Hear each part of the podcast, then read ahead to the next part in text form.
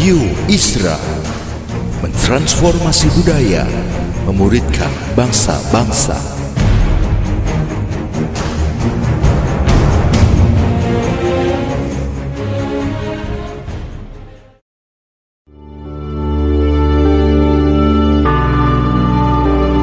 Apostolic Prophetic Messages mengungkapkan pesan dan arahan dari hati Tuhan bagi gerejanya demi menuntaskan mandat kerajaan Allah di Indonesia dan bangsa-bangsa. Selamat mendengarkan.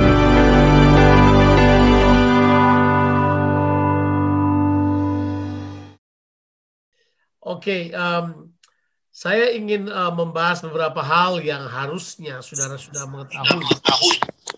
Nah, uh, berusaha untuk uh, mencari Tuhan dan kira-kira apa uh, yang kita perlu nyatakan sekarang ini. Jadi memang Tuhan uh, mulai berbicara sekarang kepada kita adalah saatnya untuk menyatakan kehadiran Tuhan. Ini penting sekali. So this is the time to manifest the presence. Jadi ini sudah waktunya ya, sudah sudah saatnya untuk menyatakan kehadiran Tuhan.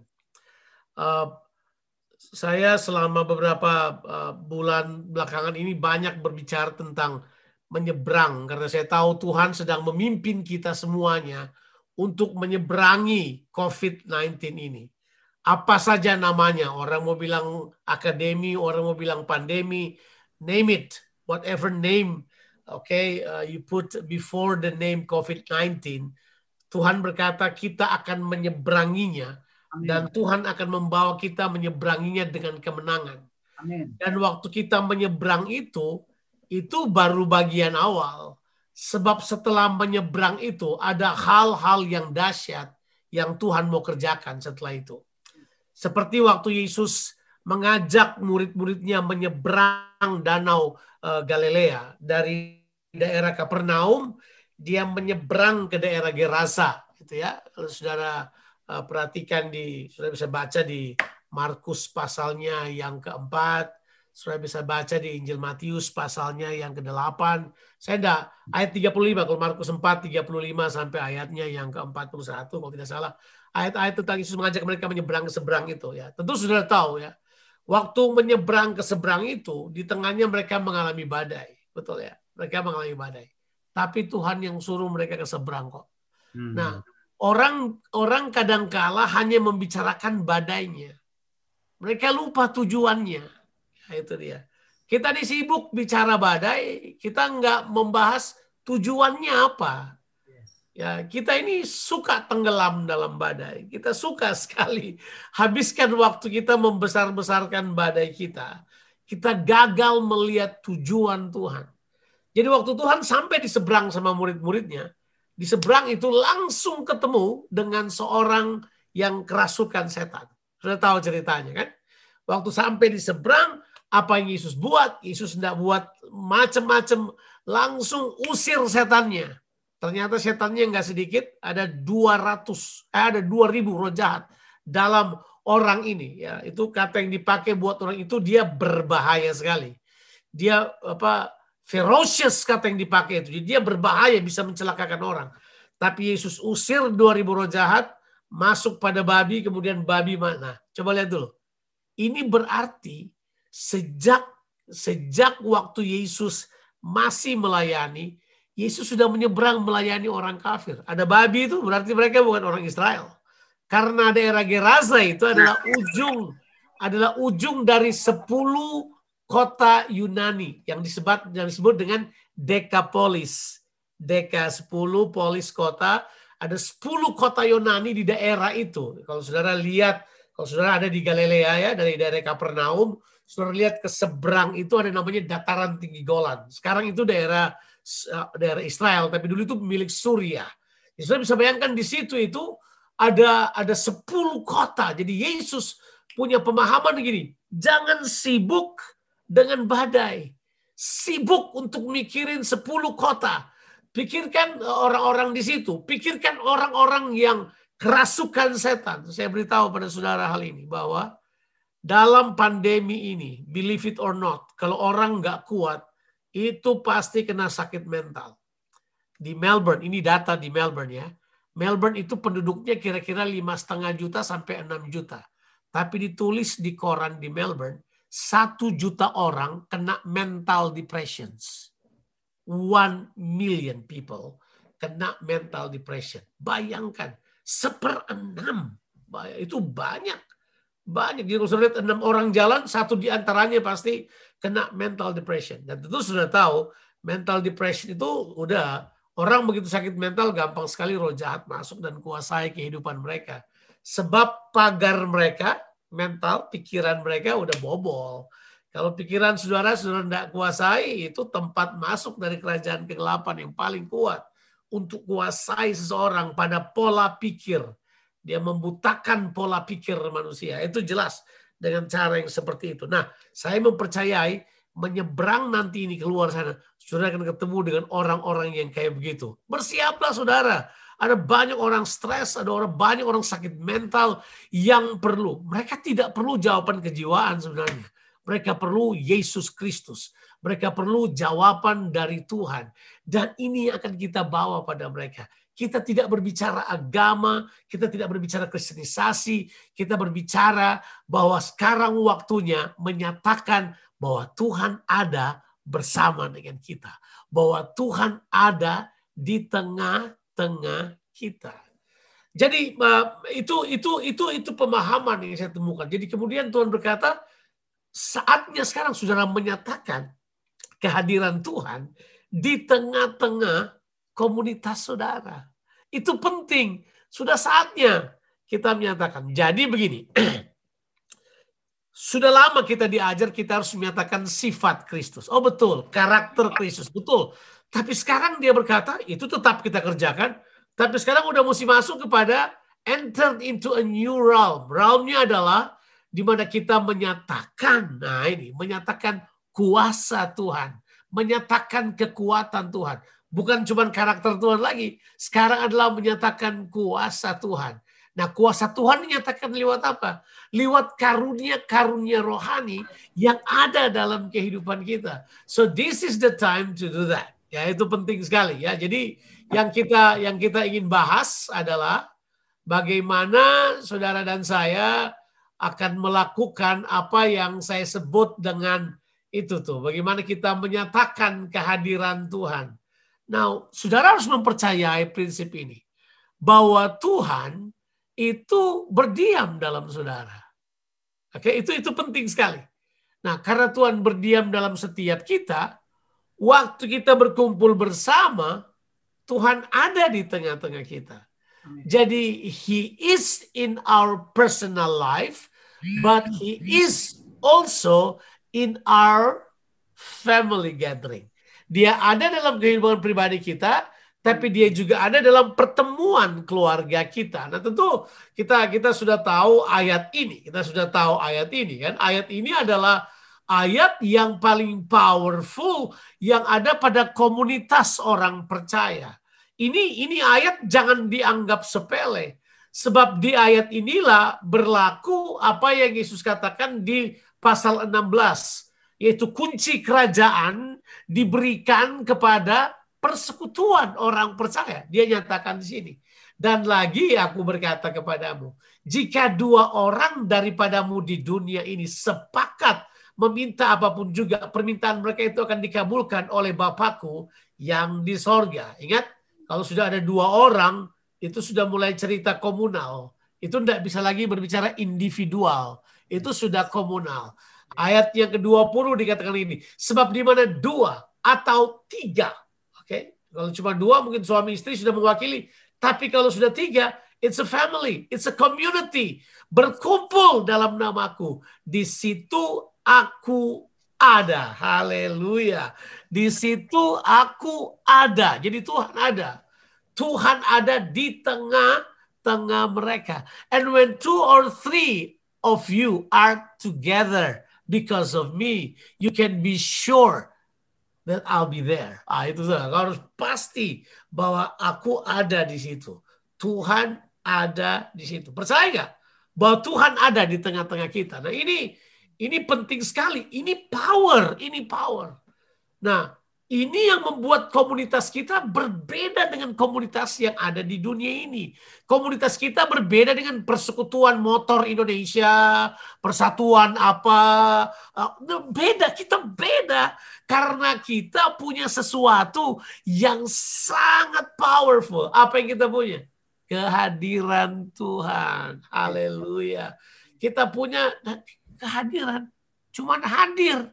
Enggak. Perhatikan kata berikutnya keterlibatan. Ah, jadi dia bukan cuma hadir, dia terlibat. Dia bukan cuma hadir, dia terlibat. Saya ulangi lagi, dia bukan cuma hadir, dia terlibat. Jadi masalahnya sekarang ini, kitanya aja yang kurang sadar atau kurang pengertian. Kita tidak membangun kesadaran bahwa dia hadir dan terlibat. Coba katakan dulu kata itu. Tuhan hadir dan terlibat. Coba katakan itu. Tuhan hadir dan terlibat. Dia bukan cuma hadir, dia terlibat. Apa artinya terlibat? Engage. Artinya dia bergerak bersama-sama dengan saudara. Dia melakukan beberapa hal yang saudara tidak sadar. He is doing his part. Dia melakukan bahagiannya di tengah-tengah kita. Itu adalah hal yang penting untuk kita ketahui. Nah, kita perlu membedakan dua hal ini yang saya harap sudah bisa mengerti. Jadi bedakan omnipresence of God and bedakan manifest presence of God. Itu dua hal yang berbeda. Tuhan hadir di mana-mana pasti.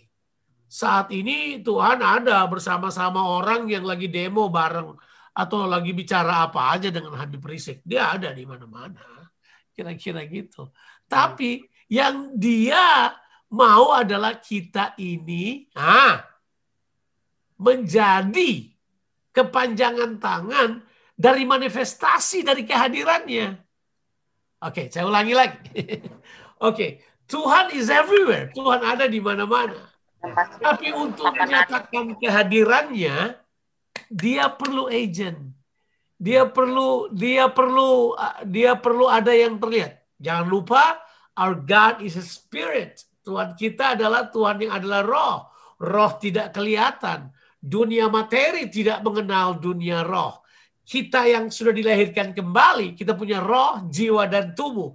Jadi kita bisa bergerak secara materi, kita juga bisa bergerak secara roh.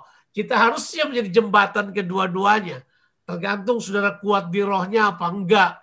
Beberapa orang terlalu logis, udah nggak percaya ada dunia itu. Dunia itu ada, dan Tuhan mau kita mengerti realita itu. Nah masalahnya, apa artinya manifest present? Manifest, manifest present itu punya pengertian through his people. God manifest his will, his power, and his character. Jadi melalui orang-orang pilihannya. Kalau saya pakai bahasa sekali ini. Melalui saudara, Tuhan mau menyatakan pribadinya, karakternya, dan kuasanya. Makanya saya mempercayai. Kalau misalnya di sebuah kampung hanya saudara orang percaya, Tuhan mau pakai saudara untuk menjadi apa itu? Menjadi apa? Ujung tombak pernyataan dari kehendak Tuhan. Nah, itu. Nah, dan dan itu memang tidak tidak selalu harus kelihatan spektakuler. Dia bisa saja biasa-biasa saja. Masih ingat cerita Naaman nggak? Pernah pernah dengar ingat cerita Naaman tidak? Naaman itu jenderal dari kerajaan Aramaik. Dia adalah raja, dia panglima dari raja Aram, orang kepercayaan raja Aram. Itu ini ini orang hebat sekali. Tapi di kota itu nggak ada Tuhan di situ kan. Tuhan ada, tapi tidak termanifestasi. Tapi tebak waktu Tuhan tahu orang ini, Tuhan pakai budak kecil. Budak kecil loh tapi budak kecil itu luar biasa. Budak kecil itu bicara sama anak aman. Dia bilang apa sama anak aman? Pak Jenderal, hmm. gini hmm. Pak. Di kampung saya di Samaria, itu ada namanya Nabi Elia. Kalau cuma sakit-sakit kusta begini, kecil Pak. Dia doakan sembuh. Naman, lo bayangkan, ini budak yang bicara. Iya. Dan budaknya masih muda. Harusnya Naman berkata ini, dia mimpi kali. Dia salah makan tadi malam sekarang dia ngomong sembarangan. Tapi enggak tuh. Naaman percaya. Siapa yang membuatnya percaya? Because this girl is the manifest presence of God in the darkness of Aramaic. Perempuan ini merupakan itu tuh manifest presence. Nah, kita, kita kan suka salah mengerti, kita pikir manifest presence kayak apa? Tidak. Hmm. Manifest presence itu Tuhan memanifestasikan dirinya lewat agentnya, lewat lewat saya pakai bahasa yang saudara lupa bahwa itu saudara representatif of Christ kingdom. Dia pakai rock itu, dia pakai the representations of his kingdom untuk menyatakan kebesarannya, untuk menyatakan kuasanya. Nah, kita mesti tahu hal tersebut. Kita mesti tahu hal tersebut. Makanya gini, jangan pandang enteng Tuhan yang berdiam dalam saudara. Jangan pandang enteng Tuhan yang ada di dalam persekutuan saudara. Jangan pandang enteng. Menurut saya, masalah terbesar adalah ada pada beberapa hal ini. Kita nggak sadar sebenarnya hmm. bahwa Yesus yang adalah kepala gereja dan kita adalah tubuhnya. Kita nggak sadar itu. Betul. Kita nggak sadar itu. Dibilang kok bahwa jemaat adalah tubuhnya dan kita tubuhnya ini bukan cuma tubuh biasa kita ini. Hmm. Kepenuhan dia itu coba lihat dulu kita ini kepenuhan dia. Aduh, dia adalah kepala, itu kan? Dia adalah kepala dari segala yang ada. Jemaat adalah tubuhnya, yaitu kita kepenuhan dia. Bayangin, saudara. Saudara kita sebagai tubuh Kristus dalam konteks kecil, komunitas kecil kita itu tetap tubuh Kristus. Di situ kepenuhan dia. Nah, bagaimana manifestasinya kalau kita kepenuhan dia? Itu powerful. Cuman masalahnya kita kayak di gambar itu. Coba lihat di gambar lo. Nah, kita kayak patung-patung begini. Kita tidak hmm. percaya patung, saudara. Kita percaya Tuhan yang hidup. Ini kepalanya dipindahin, orang main-main di atas. Kita kayak gini modelnya. Tanpa kepala. Harusnya enggak. Kita punya kuasa yang dahsyat. Kita punya kuasa yang luar biasa karena kita kepenuhan dia. Kepenuhan dia. Dan segala sesuatu telah diletakkan di bawah kakinya. Oh, powerful. I believe this is powerful. Sadar nggak saudara? Hah? Kalau saudara baca Injil Markus pasal terakhir, ayat-ayat yang terakhir, pasal 16 saudara baca mungkin ayat 18, 19, 20. Ya, sampai ending dari dari dari pasal 16 itu. Alkitab bilang ini, Yesus bersama-sama dengan murid-muridnya memberitakan Injil. Yesus sudah naik ke sorga. Tapi dia masih memberitakan Injil bersama-sama. Artinya apa? He is engaged. He is engaging with his disciples. Dia terlibat bersama dengan murid-muridnya. Rasa nggak sih? Sadar nggak sih? Ah, itu dia. Nah ini dia nih. Ah, tanggung jawab kita tubuh itu adalah memanifestasikan kehendak kepala. Itu jelas. Tanggung jawab tubuh, tanggung jawab saudara itu memanifestasikan kehendak apa? Kepala. Kita perlu supaya ini termanifestasi. Komunitas kita itu harusnya komunitas yang memanifestasikan kehendak dari kepala. Ada ya kita? Oh, ini bagian kita. Ini bagian kita kita suka membatasi Tuhan. Seringkali kita membatasi Tuhan dengan apa yang kita pikir uh, apa itu ya, manusiawi aja lah. Gini, boleh saya beritahu ini pada saudara bahwa komunitas orang percaya, KM saudara atau kakak saudara itu, ya, kita di di di Makassar bilangnya kakak, di balik apa masih KM ya? KM SIKM. Oke, kita bilang udah kakak. Kita ada komunitas kerajaan. Hmm. Ya, uh, itu sejak Pak Arifin umumin kita memang langsung tukar jadi komunitas kerajaan. Nah, nah begini, kita kita mesti tahu, kita mesti tahu bahwa kita ini bukan cuma natural, kita juga spiritual di kesempatan yang sama. Seringkali kita di komunitas kita hanya membahas hanya menyadari hal-hal yang natural. Oh, dia butuh teman, makanya dia datang. Oh, dia butuh sharing, makanya dia datang. Oh, dia butuh ada yang cerita-cerita, dia butuh komunikasi, dia butuh keterbukaan. Kita selalu melihat dari sisi natural. Jangan salah. Kita bukan cuma natural, kita juga spiritual. Tapi kita juga bukan spiritual, kita juga natural. Makanya bahasa yang saya selalu pakai itu adalah apa? Naturally spiritual, spiritually natural. Itu kita. Kita adalah ke, itu tuh apa eh, ke, eh, keterpaduan dari kedua-duanya antara spiritual dan natural terpadu. Jadi di dalamnya akan sangat menyenangkan. Hmm. Itu masalahnya. Hmm. Oke? Okay? Saya salah, harusnya yang di bawah saya besarin juga. Saya kasih dalam kurung padahal itu yang paling berbahaya itu. Jika tubuh tidak memanifestasikan kehendak kepala, Terjadi. itu namanya lumpuh, Pak. Hmm. Itu stroke namanya itu. Hmm. Itu itu itu They are parts of our bodies not reacted to the command from your brain. Ada bagian dari tubuh kita yang tidak bereaksi pada uh, perintah dari kepala atau dari otak. Nah, itu itu berbahaya sekali. Jangan biarkan itu. Kita harus izinkan kepala kita yang adalah pemikirannya rohani, ilahi, kudus, kerajaan Allah termanifestasi pada tubuh kita yang fana ini lewat tindakan-tindakan yang kita kerjakan itu seharusnya dapat membuat arti dalam kehidupan kita dan kehidupan orang lain. Ini ada cerita di mana ada tindakan rohani yang dia kerjakan yang kemudian merubah komunitasnya, merubah tentang keadaannya. Itu begini di Cape Town, Afrika Selatan ada Joanna Flanders Thomas terbeban dengan penjara yang ada di sana, yang terkenal dengan kekerasannya. Seorang diri, Yohana mulai berkunjung setiap hari, menceritakan tentang berita Injil tentang pengampunan dan rekonsiliasi. Setahun sebelum ia memulai pelayanannya, tercatat 279 tindakan kekerasan.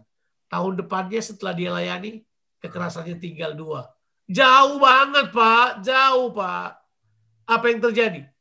Ada manifestasi yang dia bawa yang memberi pengaruh pada orang lain. Itu yang saya katakan, saatnya kita menyatakan, bukan lagi penuh dengan teori, harusnya menyatakan. Ini penting sekali. Makanya kita kita sebagai orang percaya harus mengerti. Semua orang harus penuh dengan Roh Kudus. Semua orang harus penuh dengan kuasa Tuhan untuk memanifestasikan apa yang Tuhan mau kita manifestasikan. Coba kita lihat dulu. Demikian pula dengan kamu, kamu memang berusaha untuk memperoleh karunia-karunia roh, tapi lebih daripada itu, hendaklah kamu berusaha mempergunakannya untuk membangun jemaat. Oke? Okay? Jadi jika jika saudara-saudara beribadah kamu berkumpul, hendaklah tiap-tiap orang mempersembahkan sesuatu. Jadi selain kita harus tahu bahwa kita merupakan manifestasi dari merupakan kehendak kepala, yang kedua kita harus ganti mentalitas. Hmm. Mentalitas kita bukan untuk mendapatkan sesuatu, yes. tapi harus menjadi memberi sesuatu. Itu dia. Not what can you receive, but what can you give. Bukan cuma apa yang kita bisa terima, tapi apa yang dapat kita berikan. Itu jelas Sebab again, kuasa dan karakter tidak akan ada apa-apanya kecuali kita mulai berikan pada orang lain. Kalau kita tahan buat diri kita sendiri, ya cuman kita aja. Sekelompok orang kita aja. Tapi ada banyak orang lain yang membutuhkan hal tersebut. Nah ini, coba lihat dulu ini. Saya rasa ini teguran keras buat orang kayak saya yang besar di karismatik dan pentekostal ini kehadiran Tuhan jangan hanya diukur oleh sebatas perasaan dan mm-hmm. air mata, nah, tapi harusnya lebih daripada itu. Lebih daripada itu. Kita tidak bisa cuma sekedar berpikir sebatas perasaan dan air mata. Oke, kata perasaan. Ya. Arti kata perasaan dalam bahasa Latinnya itu adalah bergerak. Berarti tidak bisa dipegang dia. Mm. Bergerak dia. Bergerak. Emosional apa emosionare, emosionare. Itu dia bergerak, dia nggak bisa, nggak bisa dipegang, dia bergerak terus. Cuma ini aja kita pinter. Ya bagus lah, ada yang menangis, tapi harusnya lebih daripada itu. Supaya begini, apa saja yang kita buat. Coba ayat 24 ya, 1 Korintus 14 tapi kalau semua orang lalu masuk orang yang tidak beriman atau orang baru, ia diyakinkan oleh semua dan diselidiki oleh semua. Segala rahasia yang terkandung dalam hatinya akan menjadi nyata. Sehingga ia akan sujud menyembah Allah dan mengaku. Apa yang akan diakui? Sungguh Allah ada di tengah-tengah kamu. Oh my God. This is what we want. Ini yang saya sebut dengan manifestations of his presence. Ini dia ini. Ini kita sebut dengan manifestasi dari hadiratnya. Hadiratnya memanifestasikan sesuatu, orang lain merasakan akibatnya. Coba lihat dulu ayat-ayat ini. Uh, saya tidak mau membahas ayat apa. Yang saya mau tekankan adalah ini dia ini.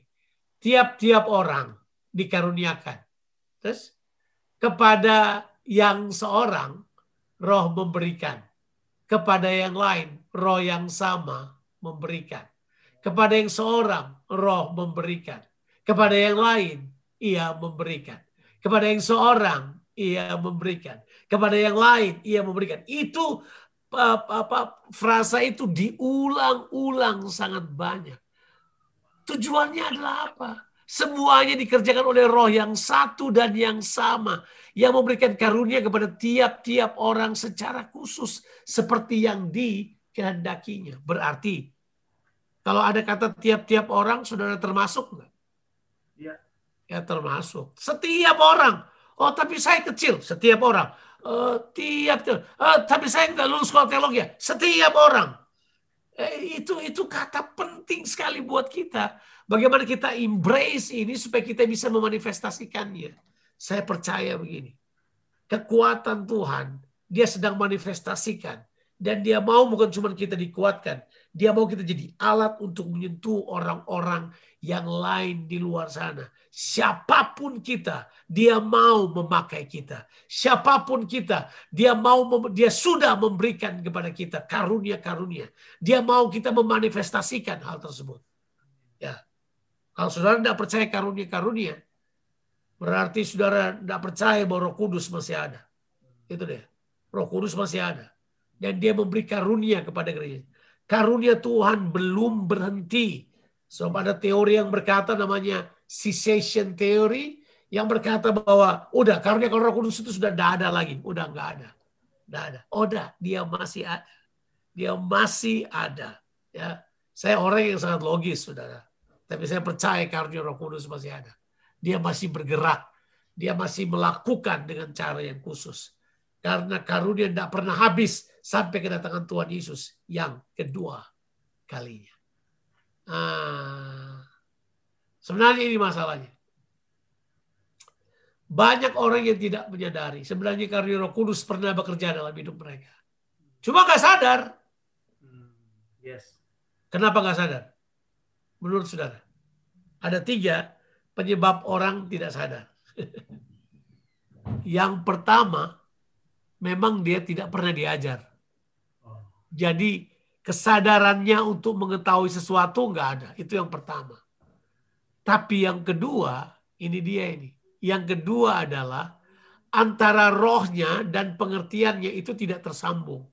Ada pintu yang tertutup. Nah ini saya mesti saya mesti overrule, oke. Okay saya mau pakai whiteboard untuk menggambarkan pada saudara. Oke. Okay? Uh, jadi gambarnya begini. Ini gambarnya nih. Ya. Ini gambarnya. Oke, ini roh manusia. Ya. Oke. Masih ingat gambar ini? Ini roh. Ya. Ini jiwa. Ini tubuh. Betul ya? Yes. Betul ya? Oke, ada irisan di sini nih. Ada irisan di sini. Oke. Yes. Ini yang kita sebut dengan hati. Okay. This is the heart. Ini pusat manusia. Ini yang menentukan sebenarnya antara roh punya apa punya informasi dari roh ke jiwa itu itu lewat hati ini. Hmm. Nah, dari roh ke tubuh menurut Galatia 5 ayatnya yang ke-12 dan 17 itu nggak ada hubungan. Jadi roh tidak bisa langsung ke tubuh, dia mesti lewat jiwa, bisa ada pikiran di situ. Kalau kita tidak pernah diajar, kita pasti nggak tahu. Tapi kalau kita sudah diajar, itu berarti ada yang tidak terbangun di dalam sini. Mari, mari saya beritahu rahasianya.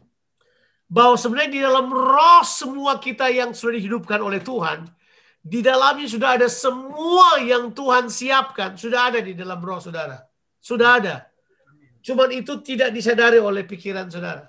Sebab cara kerja Yesus, dia telah menyelesaikan semuanya, waktu dia berikan roh kudus buat kita, waktu roh kudus masuk ke dalam roh kita, semua sudah ada di sini.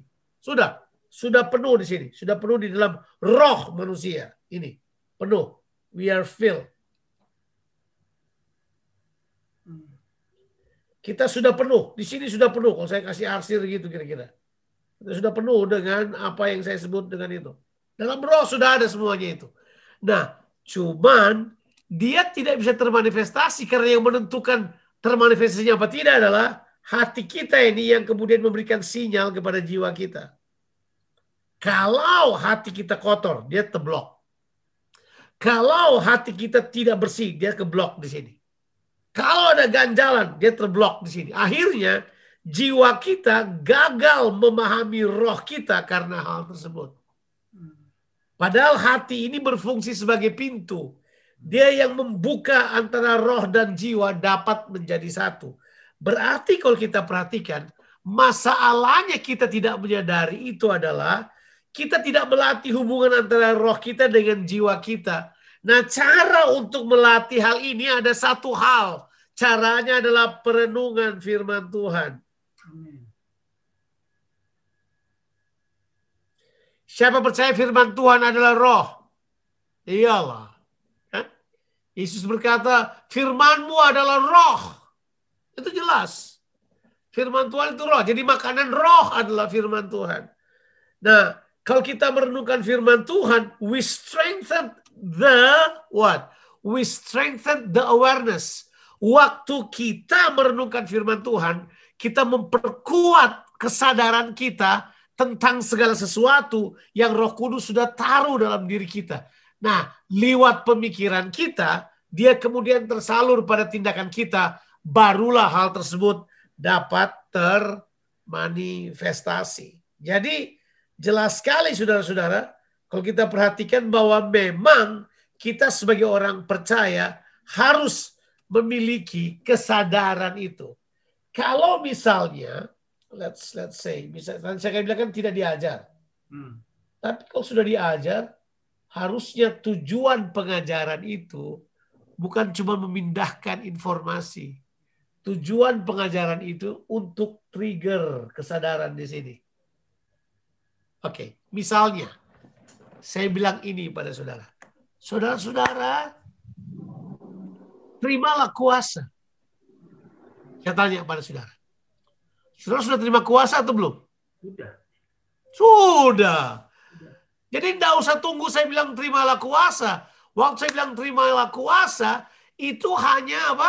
Peneguhan. Hmm. Untuk kasih trik di sini bahwa saudara mesti sadar kuasa ada dalam diri saudara. Tapi kita kan mau tunggu disuruh dua puasa lagi 40 hari. Itu agama saudara. Cara kerja Tuhan tidak begitu.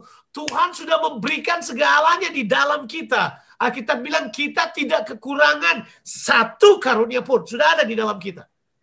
Cuma kita tidak mau manifestasikannya. Kita takut. Tidak, sudah ada. Sudah ada. Kalau saya bilang ini pada saudara. Saudara, kasihilah sesamamu manusia. Saya tanya. Saudara kasih belum dalam saudara? Sudah ada. Saudara nggak nunggu-nunggu tunggu Tuhan. Curahkan kasihmu. Telat Pak. Sudah. Dia sudah menyatakan kasihnya pada kita. Oleh rohnya. Itu ditulis dalam Alkitab. Roma pasal 5 ayatnya ke-6. Ya. Dan pengharapan itu tidak mengecewakan. Karena roh kudus yang telah apa? Dicurahkan dalam hati kita. Dia yang memberikan kasih. Kasih itu ada dalam kita karena roh kudus yang telah dicurahkan dalam hati kita. So, uh, saya kira kalau kita sudah kemudian menyadari hal tersebut, bagian kita harus mengembangkan kesadaran itu dengan melatihnya dalam kehidupan kita. Di mana kita melakukannya? Di mana kita melakukannya? Komunitas. Hmm. Komunitas kita, kakak ya, atau KM ya, itu adalah arena di mana kita latihan. Latihan kesembuhan buat yang sakit. Latihan untuk bernubuat. Latihan untuk menjalankan karunia marifat. Latihan untuk menjalankan perkataan hikmat. Di mana ada arenanya. Dan arena itu adalah komunitas KM kita. Makanya KM kita harus dinamis. KM kita nggak cuma datang kemudian ayo, ya ya sharing kesaksian sudah. Oke, kita makan-makan pulang. Enggak, enggak cuma gitu. Harusnya ada ada ada manifestasi dari karunia Roh Kudus yang sebenarnya sudah bekerja dalam diri saudara. Tapi saudara malu atau saudara apa? Itu terserah saudara tuh. Saya nggak tahu mau bilang apa itu. Karena harusnya kalau kita dapat memperhatikan sisi daripada kita penuh dengan roh kudus, maka itu harusnya dapat termanifestasi dalam kehidupan kita. Saya lanjut lagi share screen buat kita sekalian. Ya, oke, okay. kita sudah ada di sini sekarang. Siap. Ya. Jadi jika karunia-karunia ini bekerja dalam komunitas, ini bakal powerful. Ini bentuknya. Ada sembilan karunia manifestasi namanya. Yang kita coba sebut sebagai karunia roh kudus dalam jemaat. Kata perkataan hikmat, perkataan pengetahuan, karunia iman, kesembuhan, mujizat, bernubuat, membedakan roh, berkata-kata dalam bahasa roh, dan kemudian itu karunia untuk menafsirkan bahasa roh. Ini kalau kita bisa manifestasikan itu luar biasa saudara. Nah terbanyak yang saya lihat adalah cuma berkata-kata dalam bahasa roh dan sedikit nubuat. Ya mungkin kesembuhan sedikit. Ya, tapi yang lain mana tuh? Di mana perkataan hikmat? Di mana uh, perkataan pengetahuan? Di mana menafsirkan bahasa roh? Gak ada. Karena kita hanya terbiasa dengan apa yang kita miliki. Kita tidak mau mengambil resiko untuk masuk pada hal-hal yang lain. Padahal ini, tebak, sudah ada di dalam komunitas saudara. Sudah ada di dalam saudara. Ini tinggal perlu dimanifestasikan. Ah, sudah saya perlu bahas ini karena saya pikir uh, nggak usah saya bahas karena bukan itu tujuan. Nah, jadi begini sudah waktunya komunitas bukan sekedar tempat berbagi cerita dan pengalaman, tapi mulai memberi kesempatan untuk Tuhan menyatakan dirinya lewat setiap kita. Hmm. Karunia-karunia rohani. Bukan cuma cerita, 10 tahun lalu saya ketabrak becak, sekarang saya sembuh. Oke, sekarang nggak begitu. Sekarang ceritanya bisa berbeda. Saya dulu sakit, sekarang Tuhan sembuhkan. Karena hal tersebut saya yakin. Saya tumpang tangan pada tetangga saya, dia juga disembuhkan oleh Tuhan. Now there is there is an outflow of your experience. Ada ada pengalaman yang kemudian meluber keluar menyentuh kehidupan orang lain. Karena sudah merupakan bagian Tuhan menyatakan dirinya lewat karunia-karunia tersebut. Dan kuasanya lewat karunia-karunia tersebut. Semua orang percaya dapat bergerak dalam karunia Roh Kudus. Ya. Hati yang rindu membangun sesama lah yang menjadi pemicu karunia Roh Kudus bekerja melalui kehidupan kita. Ini kesimpulan dari jemaat Korintus. Di mana jemaat di Korintus sering kali dia tidak punya hati yang yang rindu membangun sesama. Dia hanya pikir dirinya sendiri. Makanya dia kemudian menjadi tidak dewasa. Berarti Semakin kita bertumbuh dewasa, semakin kita punya kesadaran, untuk memanifestasikan apa yang Tuhan sudah taruh dalam kehidupan kita. Ah, mulailah belajar, mulailah saling berbagi, bukan saling mendominasi, tapi saling apa? Melengkapi. Karunia kita bukan untuk menonjolkan diri kita, karunia kita kita pakai untuk membangun orang lain. Itu ayat 33 dan 40 dari 1 Korintus 14 itu bagus. Sebab Allah tidak mengendaki kekacauan, tapi apa? Damai sejahtera. Tapi segala sesuatu berlangsung dengan apa? Sopan dan teratur. Tidak usah paksakan diri kita, bilang kita yang paling hebat. Tidak, bagian kita adalah apa yang Tuhan berikan buat kita. Kita manifestasikan dalam komunitas komunitas kita. Nah, saudara, saya akhiri dengan ini. Saya mau akhiri ini, kemudian saya saya selesai. Ini sudah selesai presentasinya. So, uh, saya cuma mau katakan ini. Bahwa sering kali kita takut masuk ke daerah ini. Tapi justru inilah kesempatan yang terbaik buat kita untuk dapat melihat orang-orang di sekitar kita tertolong. Yakin saya. Kalau kita nggak buat ini, ya udah, kita hanya begitu aja. Tapi dengan ini akan terjadi tuh orang sakit disembuhkan, orang yang datang dengan pertanyaan tidak terjawab terjawab, orang yang kemudian bermusuhan diperdamaikan. Why? Karena Roh Allah turut bekerja. Saya sering kali suka duduk dan memperhatikan ya. Kita kalau sudah nangis-nangis, sudah rasa senang, habis kemudian nyanyi tidak habis-habis, Tuhan bekerja.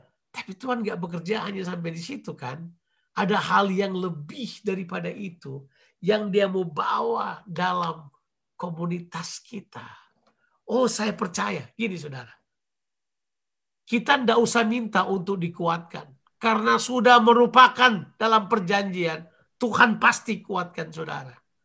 Tuhan sudah bilang, aku akan menguatkan kamu untuk masuk ke tanah perjanjian. Bagianmu adalah duduki tanah perjanjian. Masalahnya tuh tahu nggak? Kita ini bilang mau pergi ke tanah perjanjian. Sudah masuk tanah perjanjian, tidak menduduki daerahnya. Masalahnya apa? Oke, saya akhiri dengan membaca ayat ini. Ya, kalau ini ya saya harus apa? Harus eh, buka Alkitab dengan saudara. Kita membaca di kitab Yosua 18. Ini baca Alkitab. Saudara ini ayat terakhir. Uh, kalau bisa di share screen dari itu bisa buka Alkitab bagus. Saya juga bisa buka sih dari sini, tapi mungkin uh, saya cek dulu bisa nggak saya punya Alkitab saya buka dari sini. Harusnya bisa ya. Uh, Yosua pasal 18 kita membaca ayat yang ketiga barangkali. Yosua pasalnya yang ke-18 ayatnya yang ketiga. Coba kita lihat. Let me check. Let me check. Yosua 18. Uh, Oke, okay. Yosua 18 ayat yang ketiga. Coba lihat ayat ini. It's a it's a, a typical uh, ayat yang menurut saya dia kelihatannya simple sekali. Tapi itu saya waktu baca ini saya kayak kena uppercut. Langsung saya pegang perut saya, saya rasa kayak Tuhan. Ini mungkin masalah kita. Ini, Yosua berkata kepada orang Israel. Berapa lama lagu lagi kamu bermalas-malas hmm. sehingga kamu tidak pergi menduduki negeri yang telah diberikan kepadamu oleh Tuhan Allah nenek moyangmu. Wow. Coba pikir lu sebentar. Itu kayak kita kan? Loh, ini ini Yosua bilang buat mereka ada di mana ini? Udah di tanah perjanjian. Mereka udah masuk tanah Kanaan tapi mereka tidak menduduki negeri yang diberikan. Aneh enggak? Jadi mereka tidak ada pada posisi. Sudah ada di tanah perjanjian. Tapi mereka tidak menduduki. Nah, jadi itu masalahnya. Jangan kayak kita. Sudah masuk tapi tanggung. Kata yang dipakai di situ bermalas-malas. Hmm. Terjemahan yang tepat itu adalah slack. Ah, Coba kita lihat dulu apa artinya slack ini. Saya mau tunjukkan kepada saudara arti slack ini apa. Dalam terjemahan bahasa Inggris itu adalah slack, itu kata yang dipakai. Ya, karena mereka slack, mereka slack. Wow, mereka slack. Ya. itu kata slack itu dalam bahasa bahasa apa bahasa yang dipakai di perjanjian lama itu saya mau tunjukkan pada saudara katanya ini itu kata dalam bahasa yang dipakai itu dalam bahasa itu adalah rafa tahu nggak artinya rafa tenggelam ah tenggelam dalam apa tenggelam dalam kesibukan, tenggelam dalam diri sendiri, tenggelam dalam terlalu banyak yang menenggelamkan kita. Kita ini tenggelam dalam banyak hal. Kita lupa tujuan. Masih ingat saya bilang tadi? Kita tenggelam karena lupa tujuan. Sama dengan murid-murid Yesus. Pengalaman badai menenggelamkan mereka sampai mereka lupa tujuan. Sama dengan kita. Kita tenggelam dengan pandemi. Lupa tujuan ada tujuannya Tuhan bawa kita sejauh ini. Ada tujuannya Tuhan lindungi kita sejauh ini. Jangan malas. Duduki, rebut mereka, sembuhkan yang sakit, buat yang lumpuh berjalan, buat yang buta melihat, buat itu di depan mata mereka, celikan mata mereka. Karena mengapa? Karena ada kuasa. Ada. Sudah ada di dalam saudara. Cuma Saudara tidak pakai. Sudah biar aja. Kenapa nggak dipakai? Jawabannya adalah jangan-jangan kamu tenggelam. Hmm. Jangan-jangan kamu tenggelam dengan pandemi. Hmm. Kamu tenggelam dalam logika manusia. Hmm. Kamu tenggelam dan takut pada manusia. Kamu tenggelam dan takut pada apa kata orang nanti. Kamu tenggelam dengan semuanya. Tuhan mau beritahu buat kita. Saatnya untuk menyatakan kehadiran Tuhan dalam kehidupan saudara.